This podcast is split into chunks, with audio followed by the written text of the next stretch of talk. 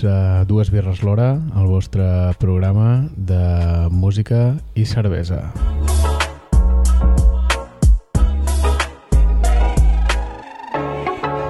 Som el Dani. Hola, Dani. Hola, Roc. Bon dia, bona tarda, bona nit a tothom. I us presentem el tercer episodi d'aquesta aventura, Uh, I el programa d'avui, doncs, com sempre, anirà dedicat a un tema, no, Dani? Exacte, i el tema d'avui doncs, són uh, persones viatgeres, persones que, en aquest cas del món de la música i la cervesa, que porten molts quilòmetres a les seves espatlles. Exacte.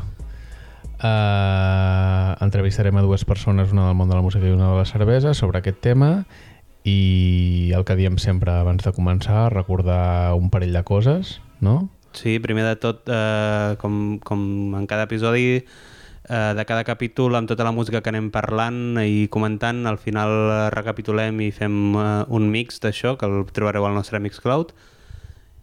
I... I això, i poca cosa poca més. Cosa dues, més jo crec que... dues, dues birres l'hora, ens busqueu allà i sentireu de tot el que parlem. Eh, I que, com sempre, ens podeu contactar doncs, per xarxes socials i el nostre mail, que és eh, dosbirres.gmail.com, per si teniu qualsevol suggerència, ganes de col·laborar amb nosaltres, el que sigui, Exacte. doncs estem oberts a escoltar-vos. Et sembla bé que obrim cervesa? Endavant. Vinga, som-hi.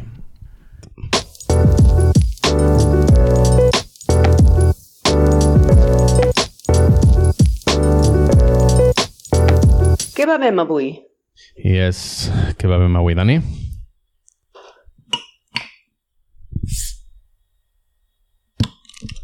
Squeeze. doncs avui bevem la del Moro, que és una cervesa d'agullons, una cervesa de blat, eh, així pel bon temps, molt recomanable, i res, anem a omplir els gots i en parlem més? Sí, sisplau.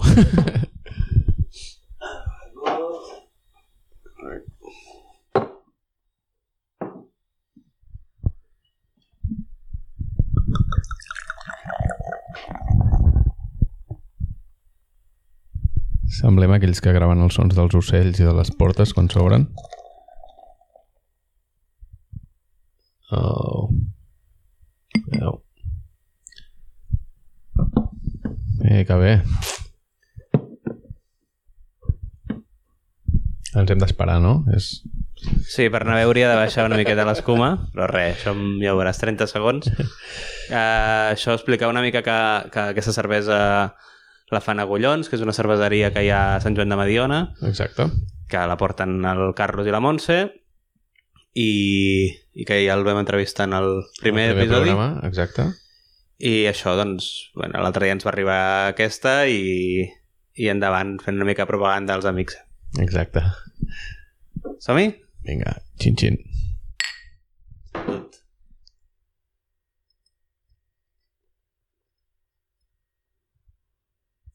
Oh. Crec que tornarem a fer curt avui, eh? a més a més, sembla que com que sí que és un... Volem que sigui un podcast una mica temporal, però la realitat és que cada cop fa més caloreta i cada sí, cop s'acaben sí, sí. abans les cerveses. Vale, perfecte, doncs ens endinsem eh, en la primera entrevista que tenim avui. Sí, no vols dir res més de la cervesa? Com, bueno, que està boníssima, digues, digues. ah, està molt bona i, i això amb aquesta cervesa trobareu una, una cervesa de blat de perfil clàssic amb les notes de plàtan i companyia que sempre busquem amb aquest tipus de cerveses. És una cervesa d'alta fermentació, és una ale, i, i això, us ho dic, per fer el vermutet amb el bon temps i així, ideal. Hey, yo.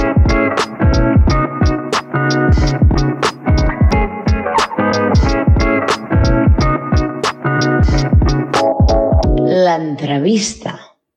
I és l'entrevista, i com us deia el Dani fa un moment, avui eh, el programa va de una mica rodamons.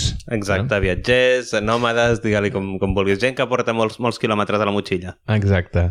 I, bueno, com que sempre intentem fer el mateix en el programa, eh, entrevistem una persona del món de la música, una persona del món de la cervesa, i intentem eh, saber una mica més de de la seva vida. Normalment doncs, triem eh, gent que nosaltres eh, sabem que, que ens interessa eh, la seva vida. Sí, no, gent, gent que, que abans ho comentàvem amb el Roc quan, quan acabàvem de muntar el, el set i això, gent que moltes vegades la seva història doncs, doncs no està en primera línia i, i que això no vol dir que, que sigui menys interessant per això. Ja veureu que els, els dos convidats d'avui tenen moltes, moltes coses a explicar i, i veureu com són històries superinteressants. Mm. Comencem amb el primer, presentem el primer, és el que hem triat, tot i que a vegades costa diferenciar qui és del món de la música i qui és del món de la cervesa. ja vas comunicant. Sí, mai millor dit. Uh, la primera persona que entrevistem uh, és, el, és el Celorio, el Joan Manuel Celorio, conegut també com a, com a Celorius, com a Cello, com diversos noms així com lo polifacètic que és ell uh, tocant, mm, és uh, bateria, pianista, guitarrista, uh, crec que toca el saxo també, eh, bueno, a part és il·lustrador, eh, bueno, un, un, un, un artista. Sí, un, un, un home del renaixement. Els, exacte, un artista com els d'abans. Uh, el Celorio, uh, a part d'haver tocat amb, amb molts grups, uh, va tocar amb un grup uh, fa molt de temps, eh, fa uns quants anys, eh, ens ho recordava en l'entrevista, ara el sentireu, que són els Tokyo Sex Destruction, uh Mhm. -huh. eh, un grup que d'aquí Vilanova que, que va tenir bastant renom i bueno, li hem volgut fer unes quantes preguntes aviam eh, què és això de, de moure's en el nom de la música pel món i, i bueno, aviam, aviam què ens explica i aviam eh, què aprenem. Uh, digues Ah, No, no, no, ah, vale, anava a vale. dir que, que endavant, que, Vale, que vale, vale. ara mateix no tinc les preguntes davant, llavors Vale, hauràs, vale, de, sí, hauràs sí. de cantar tu el que li hem preguntat perquè jo no me'n recordo. Vale, la primera pregunta que li vam fer uh, al Celorio és quin és el lloc més estrany o curiós uh, en, el que, en el que has tocat? Aviam què ens diu. L'any vinent farà 20 anys que vam treure el primer disc amb els Tokyo. Vam voltar força pel món. Per respondre a aquestes preguntes he hagut de buscar dades i fer memòria prèvia perquè ja no sé del que explico quina part és ficcionada o real. El 2010, una parella ens va convidar a tocar el seu casament a Romania. A vegades, reps propostes que no van a parar enlloc, però un dia vam rebre un correu amb els bitllets d'avió direcció Timisoara i nosaltres que vam anar cap a l'aventura. Svetlana i en Miodrag ens havien vist tocar anys abans a Sèrbia, a Belgrat, i van creure que aquí millor que nosaltres per fer ballar Ucapung amb els convidats. Guardem un record molt maco del cap de setmana que vam passar amb ells. Al final es creen vincles i són gent que de tant en tant ens escrivim per preguntar-nos què tal tot. Uau, que guai. No, de cop i volta et veus a Romania, eh? a un casament. Ah, fantàstic. Sí, però això, eh, això passa, eh? Que mm, de cop i volta, o sigui, gent que tens al voltant eh, no coneix el que fas i algú de l'altra punta del, Ah, sí. del món, no? Sí, sí, a més, a més en el cas doncs, això del, dels Tòquio que, que eren eh, d'una escena relativament minoritària no? I, i potser aquí em refereixo tant a Vilanova com a Catalunya doncs eren un, un grup que, que dintre dels sectors pacífics sí que eren molt coneguts però dintre públic generalista no, no els coneixien però en canvi doncs una gent de, de Romania van voler que fossin els encarregats de posar la música al seu, al seu casament Creus que això eh, passa... Penso també que el, que el tipus de música, no, no controlo tant el tipus de música eh, de Tokyo Sex Destruction, quin, quin circuit i mercat hi ha, però passa molt amb el món de- d'alguns tipus de música i passa molt en el, en el món de la cervesa artesana també, no? uh -huh. que hi ha mm, poca gent en comparació amb la població mundial i llavors Sí. les connexions, és a dir, tu pots eh, conèixer totes les persones del món del reggae d'Espanya o pots conèixer eh, a tal persona que punxa a França o a... Sí, jo crec que amb els, amb els circuits molt, molt específics això passa sempre que i més avui en dia que, que, que la comunicació i les relacions poden ser tan, tan distants i tan ràpides. Bueno, abans passava, jo, jo, jo crec que aquí hi ha un doble filo, no? És a dir, ara les comunicacions són més ràpides i és més fàcil comunicar-se, però també és més fàcil conèixer... Uh, és, me, és més fàcil, no sé, si vols un grup de punk, pues en coneixeràs més que estan més a prop. Ah, Ara, sí, sí, sí, no? I, totalment. I abans potser coneixies a aquella persona que ho feia molt bé, que estava molt lluny, i sí que les comunicacions eren més difícils, però també era més difícil conèixer Sí, a més sí, gent i, i, i, i tiraves dels amics. No? No, i informar-te i conèixer més sobre si tu t'agradava molt un estil musical o, o una cultura, informar-te sobre aquella cultura. Me'n recordo un dia parlant amb el, amb el Xavi i el David de Sound System FM Sí. que m'explicaven que ells al principi bàsicament eh, van començar aprenent eh, de les contraportades dels LPs Ah. I veient qui tocava en aquell LP i una mica què explicaven d'aquell LP, doncs veient que si aquell disco hi tocava tal músic, doncs llavors aquell músic també tocava amb un altre disco no sé qui, anar lligant caps així, perquè clar, aquesta gent, doncs a principi dels anys 80 eh, realment, doncs per conèixer una escena que en aquell moment quedava tan lluny com el reggae, doncs no tenien una altra. Això m'ho explicava el, el, el Yarritu de BDF també deia, nosaltres compràvem els discos mira la portada si, si ens atreia la portada o sigui, no, no es podia ni escoltar ni sí. res era, o, o, o, o el típic que anaves a la botiga que hi havia aquella persona i que potser li havies dit això m'ha agradat molt i ja te'ls aguardava i, I et et deia recomanava o te guardava, sí, sí. exacte vale, passem a la, segu a la segona pregunta que li hem fet la segona pregunta que li hem fet és uh, gravar als Estats Units com, quan i per què? Aviam què ens diu El 2004 l'Steve Aoki ens treu el nostre primer disc a la seva discogràfica d'Immac. Per promocionar-lo, van fer una gira pels Estats Units força llarga, 28 concerts en 30 i pocs dies. Creuem els Estats Units sencers, de Nova York a Chicago, baixant per la Deep Amèrica a la Nova Orleans d'abans del Katrina, d'allà al Paso, Dallas, Salt Lake City, fins a Seattle, per després baixar per la costa oest, Portland, San Francisco, Santa Bàrbara, Los Angeles, San Diego... Durant la gira, la Oki ens va proposar de gravar un single o un EP. Gravem una cançó que tenim nova en un estudi a Portland, no recordo si l'acabem, però després ens diuen de continuar la gravació en un estudi de Los Angeles. Oki aconsegueix com a productor el baixista dels NC5, el Michael Davis. Al final, als Estats Units vam gravar dues cançons, però no vam trobar un so que ens agradés, no érem gaire bons músics i tot sonava una mica pet. D'aquella gravació als Estats Units no surt res. Quan tornem a casa, una de les dues cançons la gravem pel següent disc i l'altra queda guardada i mig abandonada en un disc dur. Un apunt que vull fer és que l'Steve Aoki del 2004 no era l'Steve Aoki d'ara, però ja apuntava maneres. Començava a punxar i en aquells moments es feia dir Kid Millionaire. Fent memòria per respondre aquesta pregunta de fa 17 anys, m'han vingut al cap un munt de records, d'errades i encerts i de cosetes o camins que podíem haver canviat. Que, que guai, jo estic supercontent, eh? Estic supercontent que, que, que la... Steve Aoki. Steve Aoki. No, no, no m'imaginava avui que parlant de Steve Aoki, eh? Bueno, però està guai. No, no, està està, bé, està superguai. bé. O sigui... Kid Millionaire. Quin milioner.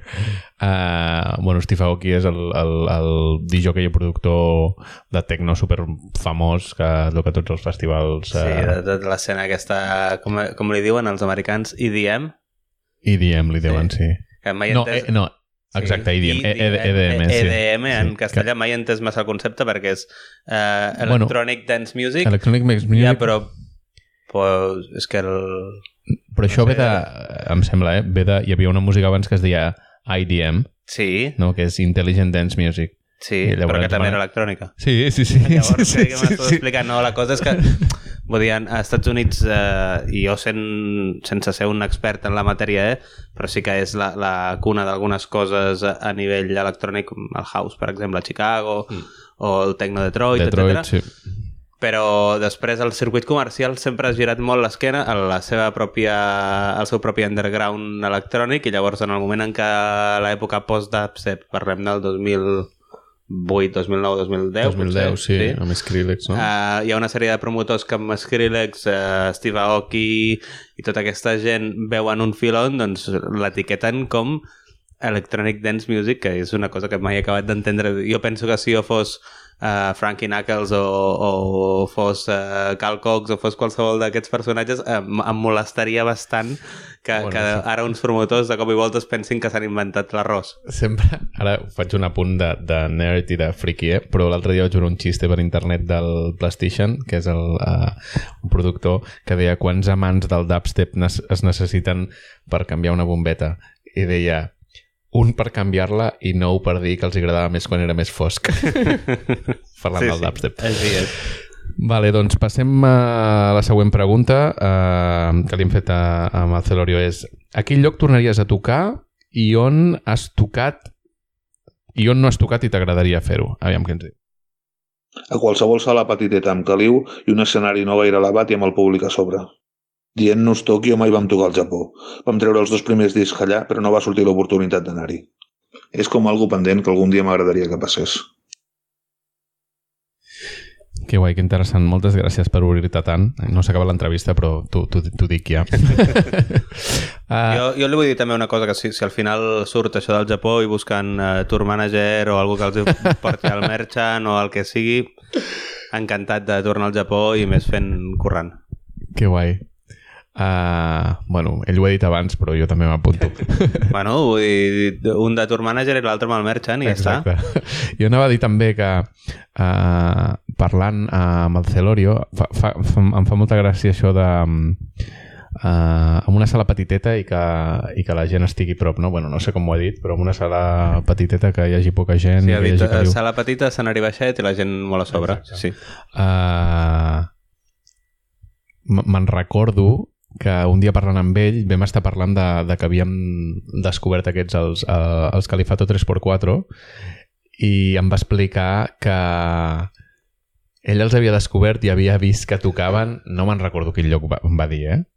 però molt lluny tipo no sé, 3-4 hores de viatge. Uh -huh. I se'n van anar a veure'ls en una sala petiteta i, i al final són és quan, quan, quan hi ha més interacció, no? És, és una mica el que passa amb el reggae i això que ha dit d'escenari baixet. Sí, sí, no? sí quan, o sigui, quan tens l'artista més a prop... Eh... A sí, sí, l'artista. Anava a dir, la persona que està interactuant, no? És, és com... És com guai. Sempre... sempre sempre s'estan perdent molt els, els, els concerts en sala. Bueno, mm, ja Bueno, ara no sé què passarà. Ara no, no sé què passarà. Ara no sabem què passarà, però, però, però els últims anys ja... ja va tirar molt cap als, festi jo, exacte, festivals. Jo segueixo fent amics, com, com sempre, ja ho sabeu, que, que aquí no hi ha filtro. Uh, jo no tinc cap... Sempre sense filtrar. Exacte. Sempre sense filtrar la cervesa, eh? Uh, jo no tinc cap dubte a l'hora d'afirmar que, que el, el festival i el festivaleo uh, s'ha carregat al circuit de sales. Sí, una mica amb l'excusa aquesta de s'ha vengut molt sempre aquesta etiqueta que, que en part està guai, però en part et passes de l'experiència no? I s'ha sí. vengut molt l'experiència al festival eh, que al final la gent s'oblida de la música. Sí, no, no, eh, clar... Quan la, dic la gent vull dir, bueno, tothom. La gran tant part del clients. públic, sí, sí, i, i, i jo mateix a vegades et veus amb, amb la situació de dir no, clar, és que passo d'anar a aquest concert en aquesta sala perquè ja els veuré a tal festival. Mm i després, si t'hi pares a pensar fredament, eh, no té res a veure veure un, un artista en una sala que, que sona de puta mare, que hi ha uns tècnics que vetllen perquè des de tot arreu de la sala soni bé. Sí, que, sí, sí. I des de totes les parts de la sala veus bé el concert que veure en un festival que potser hi ha 15.000 persones més o 10.000 persones més veient aquell concert i que tens a l'artista doncs, a 500 metres. I et dic al revés, també. Per l'artista, una de les coses més xules és veure la reacció de la gent. Totalment, sí, sí. No? Si tens 10.000 persones a davant... Mmm, no sí, res. sí, però, però és cap on, cap on hem anat i, i bueno, ens ha agafat la pandèmia al mig i no sé per on te sortirà la cosa, però... Potser tenim alguna a dir-hi nosaltres, no? Jo Després que, de la pandèmia, vull dir... De... Jo crec que el públic té, té a dir i que que potser hauríem de començar a predicar amb l'exemple i, i si volem que hi hagi més concerts en sales i volem que, que passin més coses a les nostres ciutats i pobles, uh mhm. -huh. eh, hem de començar a anar a les coses que es facin. Eh, sí, sí, proximitat i, i, i coses petites. Sí, el que... apoyar les coses sí, petites. Sí, sí, totalment. Totalment d'acord. No... I si pots apoyar les petites i les grans, apoya les petites i les grans, eh? però però si només has de triar, jo recomano sempre intenta anar al concert que tens més a prop. El pot petit i a la bona confitura. Exacte. Vale, passem a la següent pregunta, eh, pregunta obligatòria. Eh, veus cervesa quan toques? Abans, eh, durant, després? Aviam què ens diu el Celorio.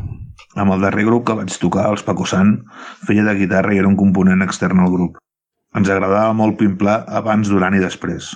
Els trobo a faltar perquè m'ho passava molt bé amb ells. Sempre que sigui gratis i hi hagi barra lliure, no som gaire ciberites amb el mam quan anem de concert. De les Steinburg de Super, passant per les xiveques a les birres artesanes més exclusives. Recordo que vam tocar en un festival de cervesa artesana i ens van donar un parell de tiquets per cap i fer-li això a un músic és matar-lo. Si us plau, els músics, barra lliure. Què en penses? Eh, és un clàssic. Eh, sí, sí, és una reivindicació que crec que que no l'aconseguirem Bueno, mai, bueno, però no sé. el, els músics barra lliure sí, els artistes barra lliure sempre el que necessitin. Eh, El que passa que hi ha molt de gent organitzant coses que mai ha estat a l'altra banda. Vale. Sí, sí, és I veritat. que, i no- en el cas de la barra lliure o no barra lliure, mira, això ho pactes amb el grup o, o el que sigui, no? Però que quan tu vas a, a tocar, a punxar, a actuar, el que sigui, a, a qualsevol lloc, i trobes una persona que ha estat a l'altra banda i, i sap el que necessites i sap com, com cuidar un, un, un artista o un DJ molt. o un músic o el que sigui, es nota moltíssim i s'agraeix. Mm. I que molts cops no, no, no, no és qüestió de diners. És qüestió de, de, del tacte, no? I de dir, quan veus que, que no ets una moneda, no ho sé. I és que Sí, em fa, sí. Em, em, em, em, això condiciona després a les actuacions, també. Clar que condiciona les actuacions. Clar que condiciona. I quan tu estàs a, a, en un lloc a gust, treballaràs molt millor i faràs la teva feina molt millor que si ja només has arribat estàs barallant per si tindré una cervesa o tres. Sí. Nosaltres, mireu, hem hagut de fer un podcast per veure gratis. Exacte. Vull dir... Però gràcies, Celorio, per... Ja ho sabeu, eh? Vull dir, Ens podeu escriure al, al mail i allà col·laboracions, estem oberts a tot. Exacte. Vale, doncs passem a l'última pregunta que li hem fet a, amb el Celorio, que és, eh, recomana'ns un maridatge disc cervesa. Aviam què ens ha dit el Celorio. El disc En de Noi dels Enstrurcen de Noi Boten amb mig litre o una bona pinta de birra de blat. Doncs això. Ja estàvem aquí, eh? Hem escoltat les preguntes abans Salut. i birra de blat, bona.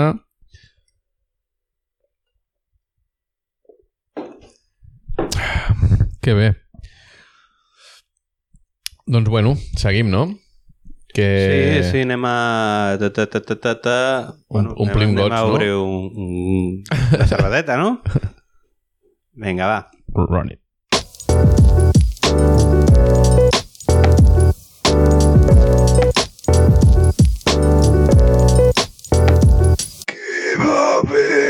Avui! Yes, Pere, què bevem avui?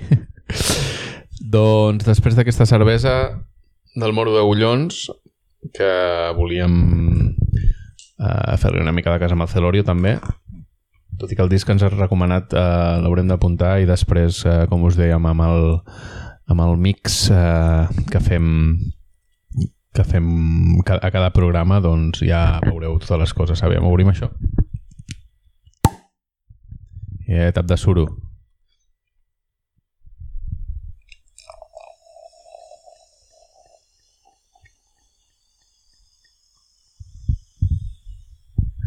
Yes.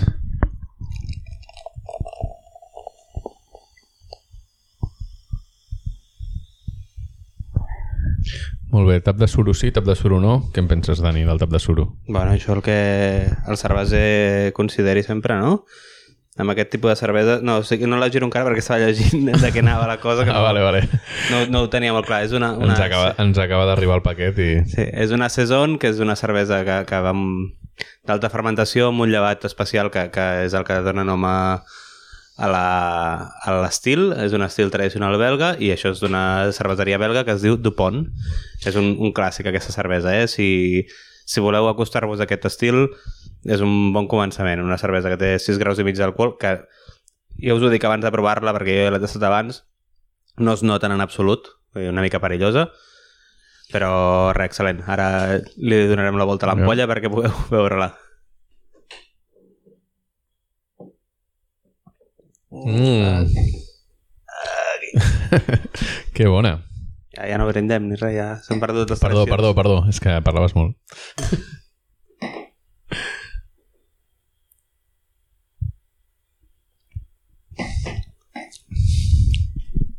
Molt bona, Molt bona. molt bona. Mm. Que bé, que bé. Jo, amb la broma de dos birres l'hora, jo crec que la solució és portar ampolles més grans. No, col, no cola dos barrils, no? No, no, de moment... No, el pròxim dia podem anar amb No, Growler està directament. Està bé, està bé. vale, passem a la següent secció.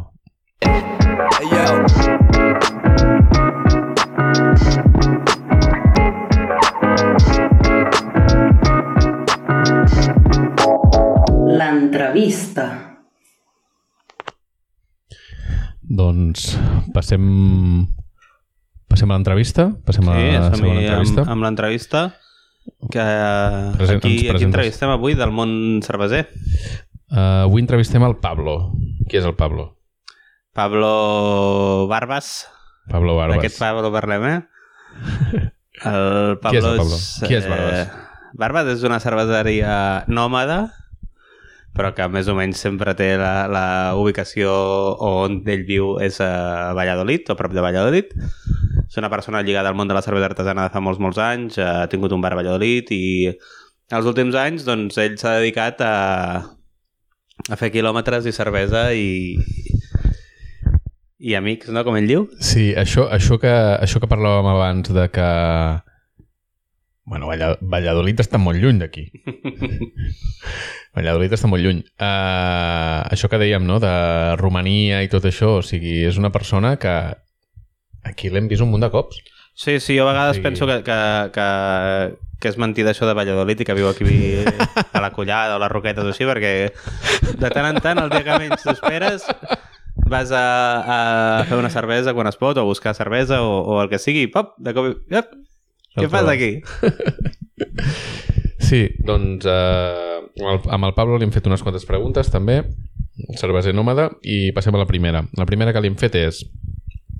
Les hem escrit en castellà perquè el ser de Valladolid s'expressa en castellà que si li haguéssim dit, potser ens hagués contestat en català. Bueno, ho hagués intentat segur, ell, ell voluntat ni posa. Exacte. La primera pregunta és eh, ¿qué significa ser un cervecero nómada? Ventajas e inconvenientes. Aviam, Pablo. Hola, buen día. Eh, soy Pablo de Barbas Beer Project, cervecera nómada, eh, asentada en Valladolid eh, y fabricando pues por toda la península. La verdad que fabricamos en varios sitios. Eh, cervecero nómada básicamente es un cervecero que no tiene fábrica propia, no tenemos instalaciones propias. Lo que hacemos es alquilar o usar eh, diferentes sitios, eh, lo que nos ofrece un montón de posibilidades diferentes, ¿no? Para estilos, para cervezas, para capacidades de producción de los lotes. Tiene muchas ventajas, como eso, sobre todo por experimentación. Y los inconvenientes, pues sobre todo es el movimiento y la falta de control total sobre la fabricación, ¿no? Eh, no estás allí todos los días, no, pero bueno, hay que fiarse un poquitito de la gente con la que trabajas, que siempre son cerveceros buenos, ¿no? Y que lo miman como si fuera su producto. De hecho, en parte es producto suyo, ¿no? Deja, no deja de ser de sus instalaciones. Y los kilómetros de furgoneta que, que me echo a la espalda, que son un taco. Pero bueno, en parte también es parte de la gracia, ¿no? El moverse y el conocer. Jo comparteixo amb ell de, lo de que moverse i los kilómetros és parte de la gràcia de la vida. Sí, general, sí, eh? sí, de dir amunt i avall. Oh, però està guai, està guai aquesta gent que de la seva passió en fa el motiu ojalà ho poguéssim fer nosaltres, eh? en fa eh, el motiu de, de viatjar. Sí, de- d'anar amunt i avall. No? de... La gent que... Bueno, jo ho he fet, eh? Tot arreu que em vaig intento punxar, però eh, la gent que li agrada la cuina, el menjar, la gent que li agrada la fotografia, no? Vull dir... Sí, Sempre. quan, quan pots això moure't i veure coses noves i a la vegada estàs treballant, vol dir que no només estàs gastant, sinó que estàs eh, facturant. clar, és, clar, és... clar. Però encara, encara, encara, sí, òbviament així és millor, però ara estava pensant, hi han coses que les fas viatjant sol, Mm o -hmm. que les pots fer sol, però hi han coses que, que, que compartim la, amb la gent autòctona és molt, és Ah, molt sí, més, sí, molt clar, més clar, no, no té res a veure una experiència quan, quan tu mm, bé sigui per feina o bé sigui perquè tens amics o perquè sigui estàs amb, amb persones de la zona on te, on te visites que, que l'experiència d'anar tu a descobrir de zero, que també té la seva gràcia, eh, en part, però, Sí, però segurament si tens pocs dies és molt millor si tens eh, guies autòctons que si no. Sí, jo això ho veig molt en, en èpoques que havia fet això del couchsurfing, no? I sempre... Bueno, perquè no ho sàpiga, Couchsurfing és una plataforma en la qual la gent eh, ofereix el seu sofà o un matalàs o el que sigui per dormir a casa seva, però una mica la gràcia era aquesta, no? que anaves a casa d'algú o, o acollies algú i que aquella persona ja era local i per tant eh, podia aconsellar-te sobre tot allò que a tu t'agradava, et podia aconsellar els millors llocs, no? Clar, i a més jo suposo que, que un couchsurfing que, que la persona que ho fa ho fa per la pròpia voluntat, no ho fa perquè treure un rendiment Exacte. econòmic, Exacte. aquesta persona ja està molt predisposada a ajudar i guiar. No és com si tu t'agafes un Airbnb i que eh, si el host et deixarà apuntades quatre notes d'on has d'anar, que moltes vegades ho fa perquè treu comissió d'allà, Correcte. Sinó que no, no, que el, el, la persona amb a la que tu vas a visitar doncs pot ser que, que inclús aquell dia tingui un rato i t'acompanyi a fer una cervesa o t'acompanyi sí. a... Bueno, a mi m'ha passat, no? Jo intento a la gent que havia acollit a casa a, a ensenyar-li les coses que m'agradaven a mi. No, no, de fet, un dia ens en vas portar... Ah, no, que aquells eren... No, no. Eren amics. Anava a dir aquells d'Aus- d'Austràlia que van acabar a la masia de Bollons. Aquells eren d'Austràlia, sí. Vull dir que no els vaig conèixer pel couchsurfing. Però jo que sé, els cinglot estan cansats de veure'm amb gent, eh, no, de couchsurfing. I, I jo, eh, vull dir, fora de, de couchsurfing, perquè jo d'això no n'he fet, però sí que quan, quan a través de fer la, la promoció d'algun vol o qualsevol cosa així, a la mínima que tinc l'oportunitat sempre intento que, que la persona que, que estic acollint surti del, del circuit eh, hotel, volo, eh, viatge i doncs això, al cinglot hem intentat portar molta de la gent que, que, Sí, sí, que ha vingut a, a veure'ns, portar-la al cinglot o portar-la a sopar en un lloc que, que, que estàs bé i que, no, que trenquin una mica amb l'esquema aquest, perquè jo penso que si estàs, quan estic al seu lloc m'agrada que m'ho facin. Clar. Vull trencar amb l'esquema aquest de hotel, eh, camerino, volo, camerino, eh, hotel. No? I que quan, quan tu vas a un lloc i dius ara em vindria de gust, mm, no sé, tu, tu, nosaltres ens en anem a Granada i dius em vull anar a un bar de tapes, està plagat de bars de tapes, però si hi ha algú d'allà et dirà... Ja no, et dirà, ja no dirà els més bons, et dirà a ti que te gusta esto, tienes que ir allí. Sí, si te quieres comer la berenjena, la mejor Exacte, exacte, exacte. Hòstia, ara tinc moltes ganes d'anar a Valladolid a posar música, eh? Bueno, això queda pendent, ja... ja... Pablo, mm, a ver, escúchanos. No, no, el- jo crec que el Pablo ens està esperant el que... El que el... El Pablo ens està esperant al- amb la furgo a la collada sí. per anar cap a Valladolid. Mr. Covid, eh, de moment, encara no ens deixa fer-ho, però això ho farem, eh? Ho sapigueu, eh? Tenim eh, tour pendent eh, Ballaran, Valladolid, País Basc eh, i si, si algú més vol posar una parada pel mig, doncs que ens Sí. escrigui el mail Exacte. i oberts estem. Us contestarà el Robin o nosaltres. I, I això... Això són gent que, que anirem entrevistant en els futurs programes, també. Sí, i tant. Vull dir, tampoc cal que, que en parlem molt perquè ja en parlarem extensament quan, quan els entrevistem. Ah, I sent honestos, eh, que a vegades eh, es, en, tenim clar que el següent o, o dos més endavant volem fer això o volem fer això altre, però pel mig se'ns acut una idea i diem, ah, no, no, fem això, fem això. Jolín, quina, ja, pff, em fa ràbia ara parlar d'això perquè no ho podem fer.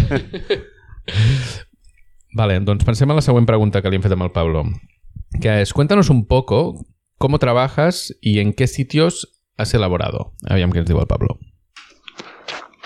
Bueno, pues como cervecero nómada eh, soy un poco, como quien dice, atípico, porque yo básicamente lo que me en lo que me he basado siempre para fabricar es en trabajar con amigos, ¿no? En amigos que, el- pues, que tengan un respeto profundo por la persona y aparte por el producto que hacen, ¿no? El- no deja de ser eso, es, es lo que decía, que es un producto mío, tanto mío como suyo, ¿no? Eh, y fabricar, pues básicamente voy al día de la fabricación, procuro ir el día de, bueno, procuro, voy al, al día del envasado también, y si está dentro de mis posibilidades de kilómetros, pues me acerco de vez en cuando a echar un ojo para tener un poquito más de control, ¿no? Hablar mucho con los cerveceros con los que trabajo, o sea, mucha fluidez de WhatsApp y de llamadas para que para saber un poquito cómo va la historia, cómo va evolucionando, pHs, temperaturas, tiempos, todo. Y fabricar, pues he fabricado pues en muchos sitios, ¿no? De la península sobre todo. Eh, pero bueno, me he movido bastante. Eh, tanto en Valladolid, en Ciudad Mía, que en fábricas que ya no existen, una pena, pero bueno, he fabricado aquí en cervecerías de aquí, cerveceras de Segovia, en Bier, los chicos de, de, Seul, de Sebulcor. En Cataluña he trabajado mucho, también con Reptilian, con Clandestines estoy fabricando últimamente. En Madrid he trabajado con la Virgen, con Cibeles al principio, con la Virgen también al principio. En Murcia he trabajado con Yaca, grandes cerveceros también. Luego fuera de, fuera de España también he fabricado en Bélgica, en algunos sitios por allí, eh, cervezas que se han quedado allí, la verdad que han sido colaboraciones. En Italia eh, también he fabricado en Bernarello, en Ibu, Ibu con H, una cervecera de allí muy chula. Poquito salteado. He también he aprovechado muchos viajes de vacaciones para, para hacer cervezas por ahí, ¿no? Aunque no, aunque no las llegara ni, ni siquiera a probar, ¿no? Pero el decir, eh, estando por allí, pues hacer un lote con alguien, eh, echar unas risas, ¿no? También es parte de la, de la gracia esto. Què, què deies que sí amb el cap, Dani? No, no, no, perquè realment... I això, perquè no, no ha explicat la, la part aquesta no la, de, de les vacaciones, no l'ha desenvolupat més, però, però és un tio que, que ha fabricat al Japó, ha fabricat a Colòmbia, ha fabricat a la Índia... Ara resulta que ens ha sortit honest, el, no. ens ha sortit eh, no, perquè- vergonyós el No, Pablo. no, però realment el que ens estava explicant és les cerveses que ell realment després sí que tornen a ell i ell les distribueix. Vale, vale. Ell a mi m'explicava un dia que, que amb, amb el Japó ell no sap com va quedar aquella cervesa Clar. perquè va anar, crec que, que, que va treballar amb, amb una cerveseria que està en, en un poble que us recomano moltíssim si algun dia hi aneu, que es diu Kanazawa que, que ell va acabar una mica per casualitat allà va fer la cervesa amb ells i clar, la cervesa aquella ell no l'ha provat mai ells li van enviar un missatge li van dir que sí, que les havia gustat mucho Muy rica, però... muy rica. però, clar, i, i el mateix suposo pues, això amb, amb, amb la Índia i a Llatinoamèrica crec que com que sí que hi ha estat diverses vegades Mhm. sí que em sona que aquelles sí que les ha arribat a provar i... A la tornada. Escolta'm, jo vull que em parlis d'Itàlia. Tu vas estar a Itàlia provant cervesa. Sí, eh, ho, ho vam explicar al, al primer episodi per qui no ho va sentir vam anar amb, amb el Pepe i el... Ai, em surt el nom ara. I el Tomàs, perdó. I amb el Pepe i el Tomàs de, del Cinglot vam anar mm. al Pils Pride, que és un festival que, que es fa a l'Urago Marinone, que és uh, gairebé a la frontera amb, amb, amb Suïssa, a la part sud del llac Como. És el lloc, és el poble on va néixer una, cervesa, una cervesera que es diu Berficio Italiano, que és una cerveseria que si podeu provar qualsevol cosa del que fan, no us ho penseu, perquè vull dir, és de les millors coses que he begut a la vida. I, i després he estat a, a Roma, també. Per Això, jo, et volia explicar, jo volia que m'expliquessis lo de Roma. No? Eh. Ve, una, ve, una, ve una amb, un, amb un bar que era molt guai, que això és una... No ho sé, m'ho has Sí, d'explicar. sí, sí, eh, Roma és que... És que jo quan Itàlia he estat a Roma i quan he estat a Itàlia jo no, no bevia cervesa artesana encara, aquesta- saps? No, no, ho cone no ho coneixia. Vull dir, perquè us feu una idea, eh, els italians, de la mateixa manera que, que amb, amb el menjar sabem que cuiden molt i que exporten molt bé perquè cuiden molt el producte, etc. Mhm. amb la cervesa és el mateix. Vale. Amb la cervesa, doncs, eh, respecte a l'estat espanyol i a Catalunya en concret, ens porten molts anys d'avantatge i, i és una altra cosa. I, de fet, a la majoria de llocs que no siguin extremadament turístics sempre trobaràs alguna, alguna cervesa artesana per veure, cosa que aquí encara ens queda temps. Sí. I, I parlo des del prisma d'una persona que viu a Vilanova, que és un poble que té molt de cervesa. Mhm. Hi ha, segons a quins llocs de Catalunya o d'Espanya vagis, eh, trobar una cervesa artesana és una odissea. I Roma no, Roma és al contrari, doncs hi ha, hi ha llocs generalistes, per dir-ho així, que, que tenen cervesa i tenen molt bona cervesa, i després hi ha llocs específics de cervesa, com a l'Open Bar de Baladín o, o com el, un bar que us recomano moltíssim al Trastevere que es diu Macasete Benute Fa, que clar, arribes allà i trobes des de cantillons que potser tenen 10 anys de guarda Mhm. fins a una pale ale que ha fet el veí del barri que té una setmana fresquíssima i que al·lucinaràs igual. Es cuida molt, molt bé la cervesa i es cuida molt, molt bé el producte. Almenys per la, per la meva experiència, eh? Que guai. Ara ara és que me, me n'acabo de recordar, eh? Això jo he, he estat a, a llocs que no, no, quan no coneixia la cervesa artesana, no? Però després, coneixent-la, m'aca- m'acabo de recordar el, el primer... Quan, el primer cop que vaig anar a Austràlia, que vaig arribar allà i vaig anar directe al poble que estava, amb un, jo vaig buscar directament cervesa artesana a, al Google i vaig anar cap allà i hi havia un, un, un com es diu això? Un brewpub que tenia una, una, Què, què és un brewpub? un brewpub Això, eh, Bueno, un pub és on vas a veure cervesa, Sí. no? I brewpub, brew vol dir que elaboren allà la cervesa. Exacte. No? Brewpub, si sou amants de la cervesa, en general, jo no em poso amb artesana no artesana, de la cervesa, un brewpub és dels millors llocs on te podeu caure. Així, Sí, sí. Vull dir, és una màxima, però és que és així. Si tu arribes a un poble i trobes un brewpub, has tingut molta sort. De fet, allà, me'n recordo això, no? O sigui, hi havia, es veien els, hi havia un, unes parets de vidre i, i, i el lloc on feien la cervesa, que després vaig descobrir que ja tenien una nau nova a les afores i que feien molts més litres i tot això, però havia començat allà.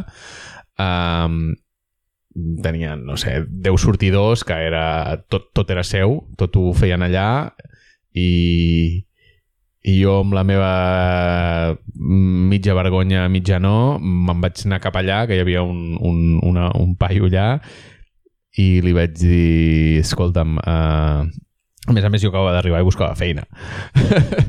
I li vaig dir, escolta'm, jo vull aprendre a fer cervesa i m'agradaria molt uh, treballar aquí i tot això. I el tio, que era un tio anglès d'Anglaterra, que el- un cerveser que l'havien portat allà, em va dir, jo no et puc donar feina, però si vols aprendre a fer cervesa, uh, vine demà, eh, no sé si a les 5 del matí o, o, o abans, eh?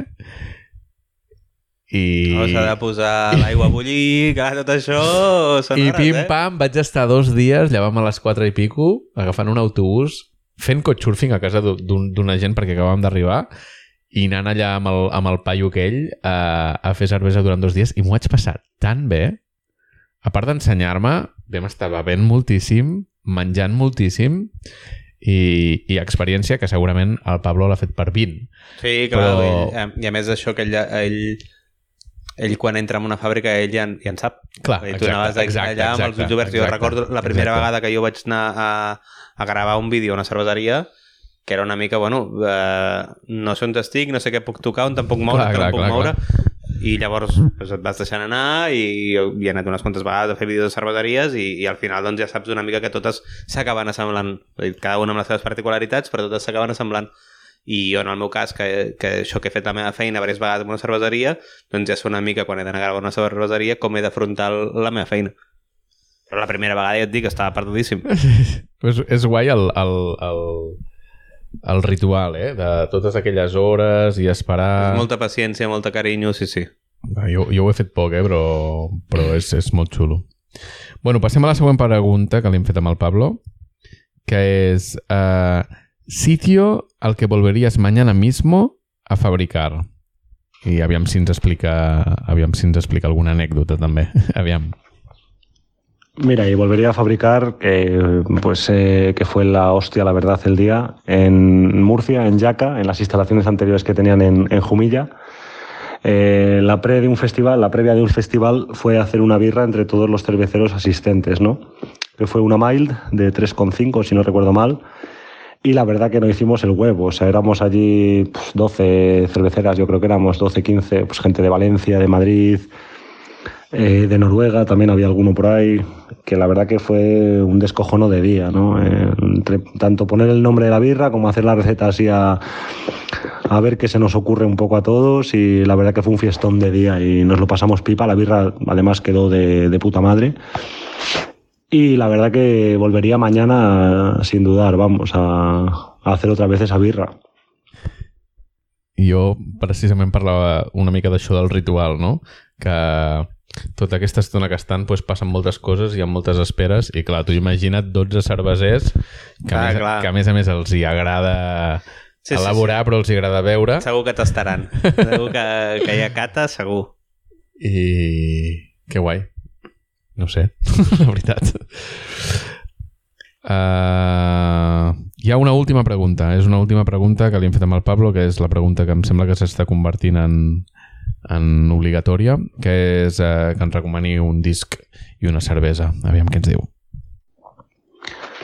Pues mira, me he movido bastante, la verdad, tanto de, de fabricar como de visitar cerveceras, pero nunca he cruzado a, la, a Inglaterra, bueno, a Inglaterra, ni a Inglaterra, ni a Irlanda, ni a Escocia, ni, ni nada, no he cruzado el, el mini charco. Y, y me encantaría, ¿no? Porque al final eh, lo que hemos, el equipo de Homebrew siempre ha sido estilo inglés, ¿vale? Con, por gravedades y todo, y, y, hostia, y es el, el, sistema clásico de fabricación inglés, es en el que hemos basado todo nuestro, nuestro aprendizaje. Y la verdad que no he estado nunca allí, ¿no? Y me encantaría ir a visitar las cerveceras con sus cosas buenas, con sus cosas malas eh, y coger allí soltura, ¿no? Me parece un sitio, un sitio cojonudo para, para ir. Vale, em sap greu que m'he colat i he dit la cinquena pregunta i era faltava, la quarta, faltava la, la quarta. penúltima, i, i era part d'aquesta que li havíem fet, que és on li agradaria fabricar. Sí, Exacte.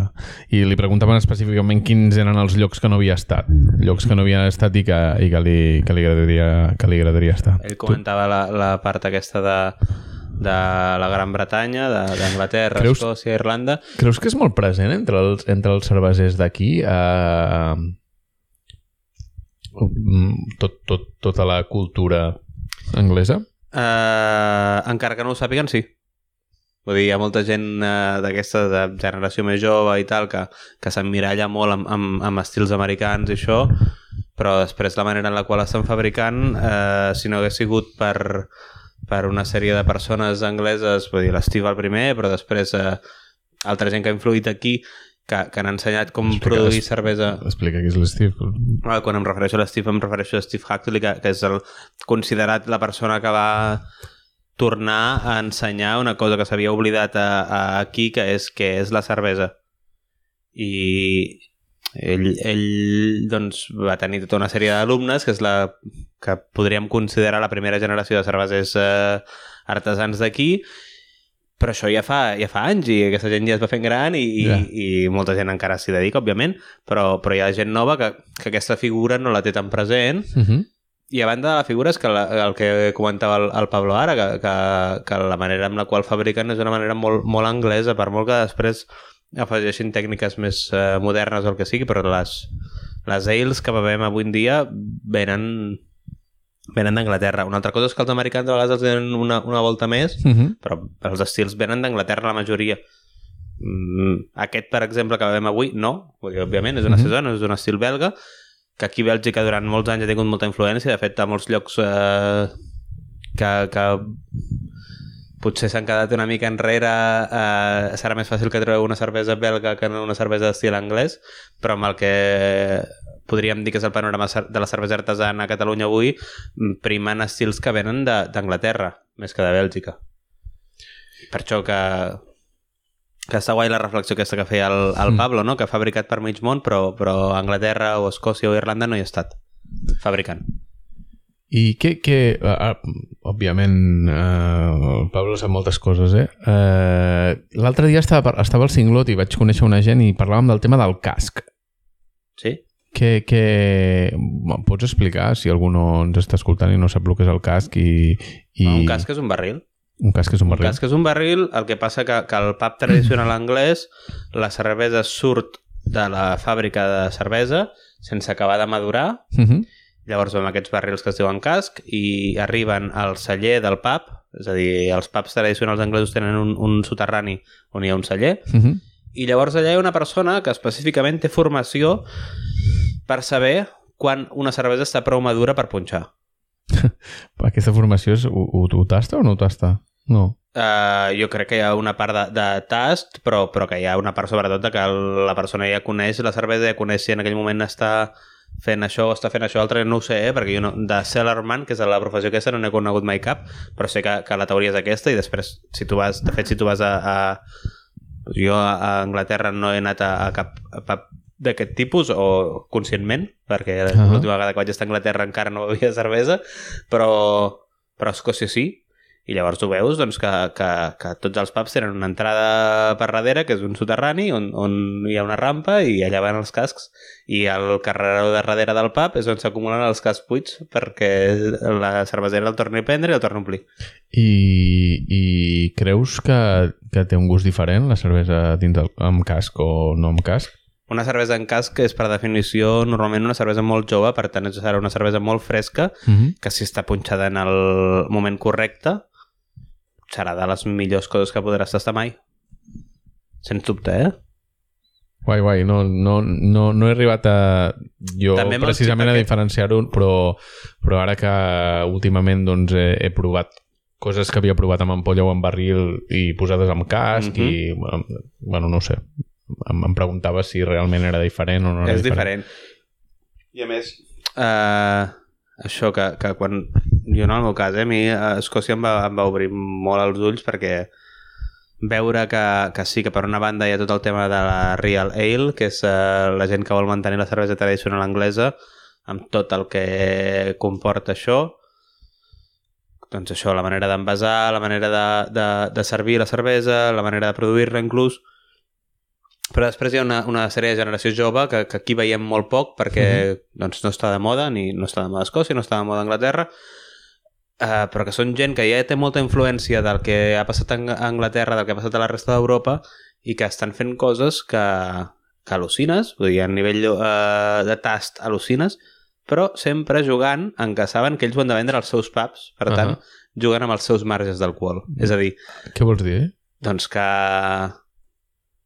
mm, jo n'he begut IPAs que tu et penses que t'estàs bevent una IPA forta i té 3,8 perquè, perquè, perquè ells fins que no cauen rodons no, no paren. Pel que sigui, perquè saben que si ells fan una IPA de, de 7 graus eh, no la vendran. Hòstia, però és, és, és guai i avui encara no ho, havia dit, no ho havia dit és molt interessant el que dius. És molt interessant el que dius. Uh, jo em trobo Uh, jo per la feina que tinc ara mateix volto una, bastant per Catalunya i em trobo, quan vaig a un bar a buscar una cervesa artesana, llocs que tenen 4 o 5 tiradors i totes les cerveses tenen 6-7 graus mínim. Això és, és un, un error i un error el que... En, a mi que m'agrada veure'm en dos massa. o tres, o sigui, no... Sí, sí.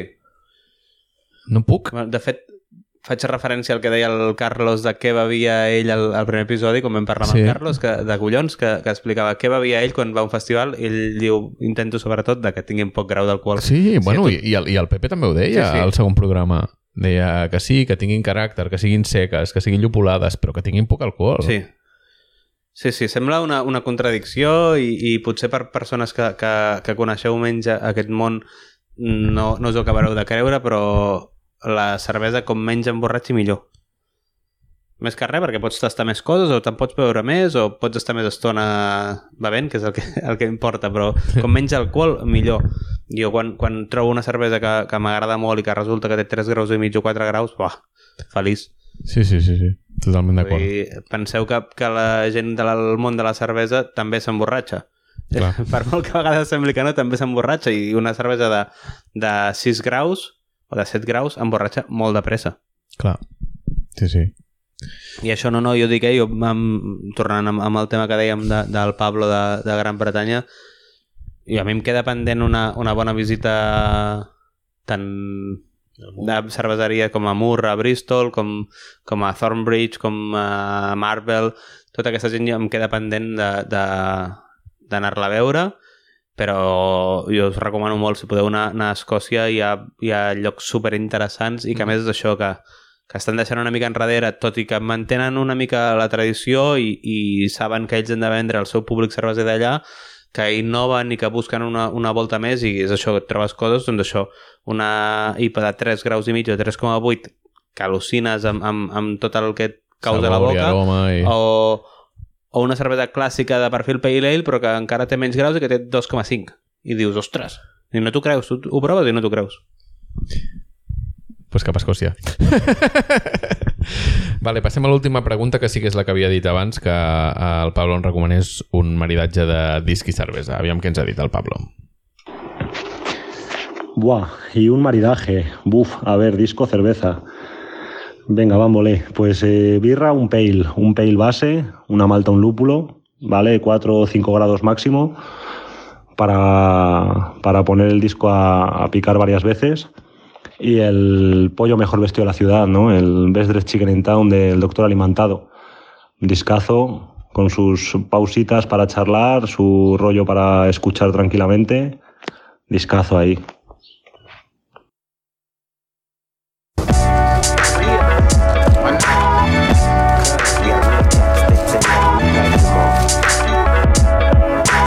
Estàs escoltant dues birres l'hora. Xipire, mate! Uh, doctor Alimentador. Jo vull explicar una cosa sobre això. Uh, Endavant. Es diu uh, Best Dressed Chicken in Town, no? El disco. Yes. Uh, és, un, és un disc que jo no he escoltat mai, que que tinc molt present la portada. N'havia parlat en un programa o entrevista que vaig escoltar al Pepe Colubi, que, que el Pepe Colubi... Un dia el podem entrevistar, el Pepe Colubi. El Pepe Colubi és un... Uh, bueno, si ens contesta, eh? Jo un dia li vaig escriure i em va contestar, però, però que faci una entrevista és una altra cosa. El Pepe Colubi, uh, a part del món de l'espectacle i tot això, és un gran amant del reggae i, i un dia va parlar d'aquest disc i un dia que jo fa un parell d'anys vaig anar a Anglaterra a comprar discos i recordo en una botiga que vaig veure molts discos de, de Doctor Alimentado i jo el controlo zero. Sí, jo tampoc és, uh, sóc un, un gran coneixedor. Eh? Però n'hi havia molts, o sigui, deu molar aquest paio. Aquest paio l'hem de posar al mix d'aquesta setmana. Sí, podem incloure al mix uh, perfectament. No sé, som... Jo et dic que no sóc un gran expert de, de la seva discografia, sí que... És que no, no em sortirà el nom, per això no volia dir res, perquè jo Vale. amb els noms dels discos soc bastant, bastant lamentable, però sí que hi ha un disc, potser és aquest i tot, eh? Que l'he escoltat molt, molt, molt, molt, Uh -huh. i em sembla un, un, un personatge super interessant tot i que dintre del que jo, el meu camí dins el món del reggae no sigui de les coses que m'he trobat allà al mig i que, que he investigat més. Però bueno, mola, mola aquestes coses que et vas trobant pel camí que, que bueno, a mi m'ha passat amb moltíssims artistes del reggae i d'altres estils, però del reggae m'ha passat molt, no? Artistes com uh, Beres Hammond, Garnet Silk, uh, no sé, molts artistes que porto molts anys escoltant reggae i els he descobert tardíssim. Sí, però és que hi ha molta gent que fa coses molt guais eh, dintre del món del reggae, llavors no pots pretendre assumir-ho tot el primer bueno, dia. clar, i les fonts, de, les fonts eh, que tens perquè t'entri en música pues, són les que són i primer entren uns artistes i després els altres, no? Uh -huh. Per cert, has escoltat coses noves aquesta setmana o no? eh, he escoltat, sí, mira. Sí? Primer et recomanaré una cosa més curta, més fàcil. Vols que... Eh, és que no sé on està el jingle, llavors. Vale, Com que no sé on digue'm. està el jingle, doncs ho farem sense jingle avui i... Què has escoltat aquesta setmana, Dani? Explica'm. Què he escoltat aquesta setmana? Més que he escoltat, he vist... Serveixo, he vist eh? i he escoltat, però sobretot he vist... Mira, primer us recomanaré una cosa... Fem un, un, un, un o què? Com ho veus? Vale, sí, sí, Sí? tinc diverses coses, sí. Vale. La primera cosa que he vist, perquè he vist i escoltat aquesta setmana, jo pues això, sóc una persona bastant visual i que, que consumeix molt de, molt de producte audiovisual i llavors doncs a vegades eh, em criden més la- l'atenció aquest tipus de coses que no, que no coses que he escoltat directament.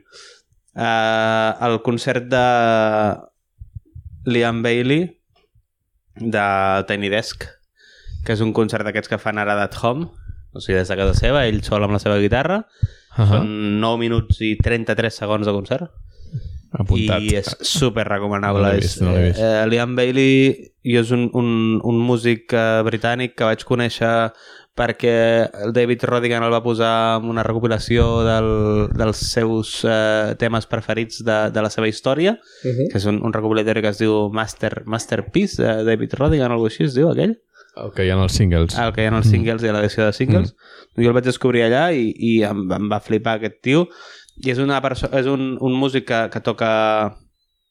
que ve de la banda del reggae, perquè jo, jo crec que ell deu ser d'origen antillà, per tant, doncs, doncs ja ve d'aquí, però que toca més eh, pals, vull dir, toca una mica de R&B clàssic, toca una mica de, de soul, i ho barreja tot, i en aquest acústic, és un acústic d'ell amb la guitarra, Uh -huh. i et dic que 9 minuts i mig i val, no sé si fa 3 o 4 cançons, val molt, molt la pena. Pues apuntat. A muerte. Tu Jo- què? Tu què, tu què, tu què? Jo què, jo què, jo què? Jo he escoltat uh, el nou àlbum de Major Lazer. Que sí, han tret un àlbum aquesta setmana. No sé quan escoltareu el programa, però aquesta setmana han tret un àlbum que es diu Music is the Weapon Reloaded. Però això no sé el... El què? No, no havien tret alguna de Music is the Weapon, no? Em sona el nom d'abans. sona- No, sé que L'àlbum es diu així, eh? Allò del Guns... Uh, com era? Sí, Guns Guns don't, kill, Lie. the- Guns don't kill people, lasers do. Sí. I després a l'altre també anava per aquí la història de- d'armes i això, bueno, no sé. Bueno, deu ser el mateix, el mateix motiu. Uh, està bé.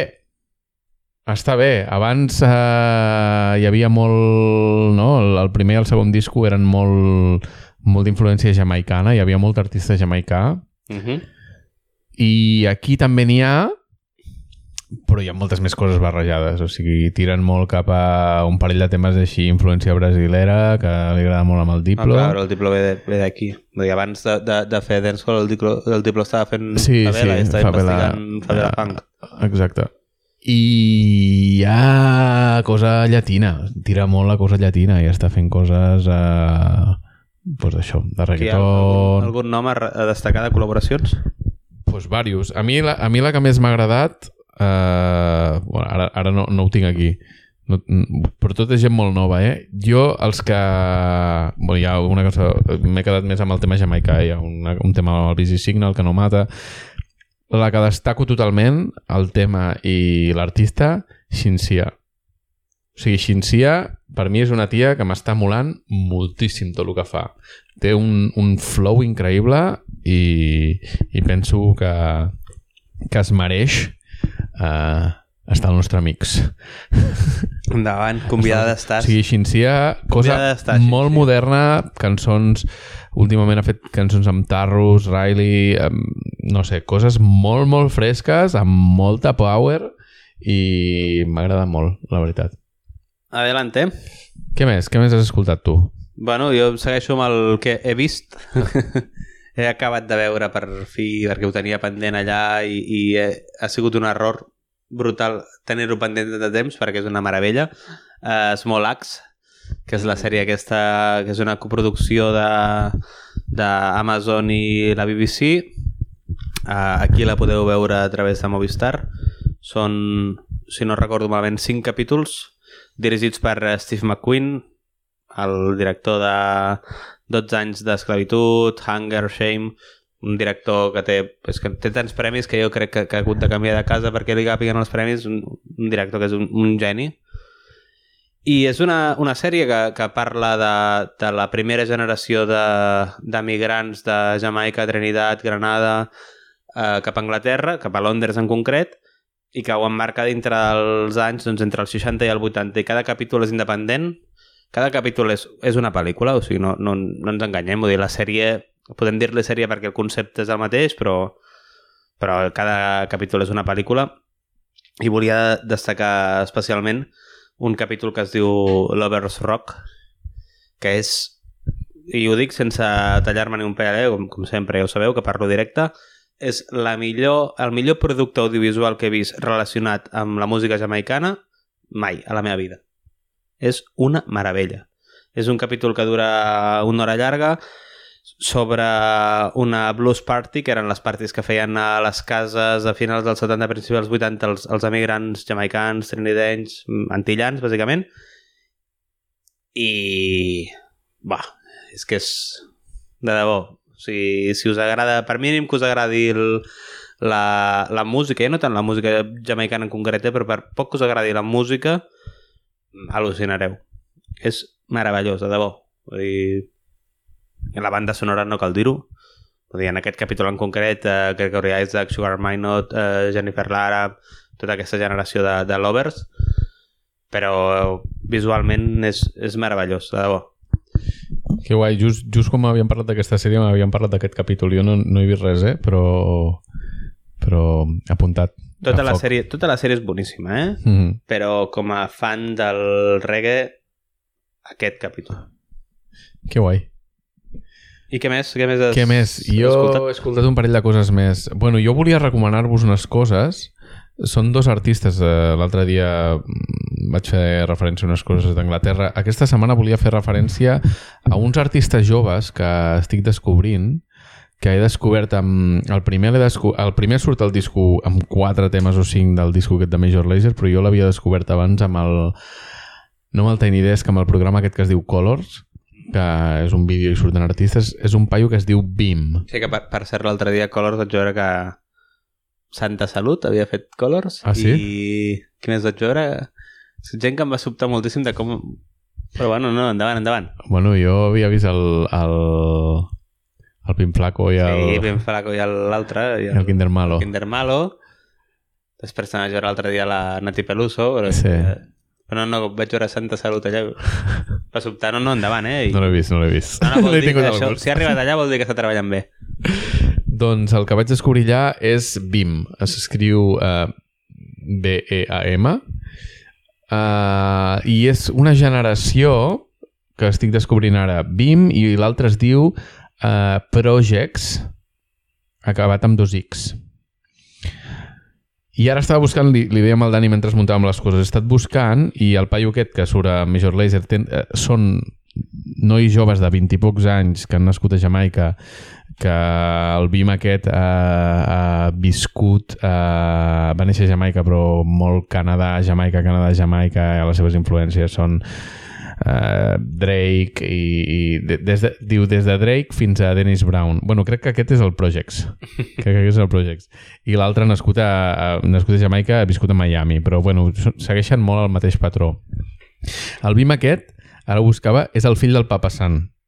Ah, vale? i l'altre és el, el Projects és el net del King Jammy clar. vull dir eh, té, Com és allò, que la frase que està en castellà, de, de linaje le viene el galgo. Sí, però és això, no? Sí, és, sí, sí, és això, és, és això. és, és gent molt moderna, molt fresca, però venen de família uh, de sang blava. Sí, sí, de, sí, sí. de la, com es diu, de la noblesa jamaicana. Exacte, exacte.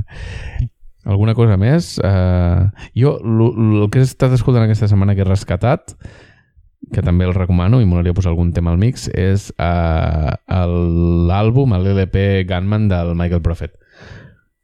Mm, molt interessant. Jo tinc molt controlat el, el, el single, òbviament, però l'LP crec que no l'he sentit mai. pues està molt bé. A internet em posa que és del 2010, no sé si, si és una reedició o jo alguna crec no. que deu ser una reedició. Jo no, no ho sé, no, no ho tinc controlat, Bueno, mirem-ho, mirem però val molt la pena Això ara els, nos, els nostres oients més uh, Crítics. Uh, audiòfils del reggae, aquests ens, ens canaran a comentaris, Bueno, però ja, criti ja va bé. critiqueu-nos. Ja ho sabeu, nosaltres sabem de tot i no sabem de res. Exacte.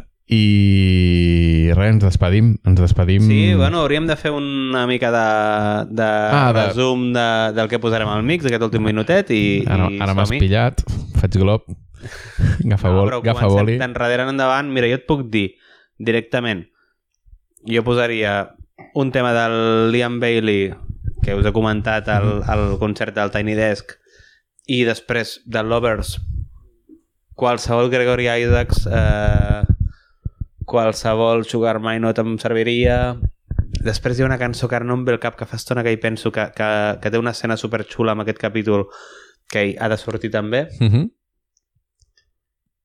I després podríem seguir amb, amb aquest uh, generació jove que deies ara que surt de Colors i que ha acabat Sí. el disco de Major Lazer Bim i Projects, Shinsia, aquí al mig, pum. després ha de sortir el Doctor Alimentado que ens ha dit El Pablo? eh, el Pablo Amb el, amb el Michael Prophet queda perfect. Després ha de sortir òbviament algun dels grups de, del Celorio Sí, jo volia dir, eh, el Celorio va treure un disc en solitari per de tocar amb, amb, amb, amb Paco San, amb Amb Toxic, Tokyo. Toxic Sex Destruction, no puc pronunciar. Va treure un disco el, el Celorio que es diu Mica en Mica, ell sol. Interessant també per escoltar-lo i, podem tocar una i mica posarem alguna cada cosa. d'això i a més la recomanació que ens feia ell que no recordo ara mateix amb, Sí. amb la cervesa de blat també apuntada queda Era un, era un nom raro que l'hem de tornar a escoltar. i més o menys amb això ho farem tot eh? Sí. o què? Et trobes a faltar alguna cosa? No, Doncs... ja et criticaré el següent programa si, si és així. Vale, ens despedim i fins al proper programa. Moltes gràcies per escoltar-nos, veure'ns. I- Sí, i ja ho sabeu, doncs eh, teniu el mix d'aquest programa, el tindreu penjat amb la resta de mixes, amb el link que, que d'això. Si voleu regalar-nos coses a través del mail, podeu regalar-nos coses i, i ja està. I ja està. ens veiem tan aviat com puguem. Mm, beveu bona birra i escolteu bona música i ens veiem a la propera. Salut!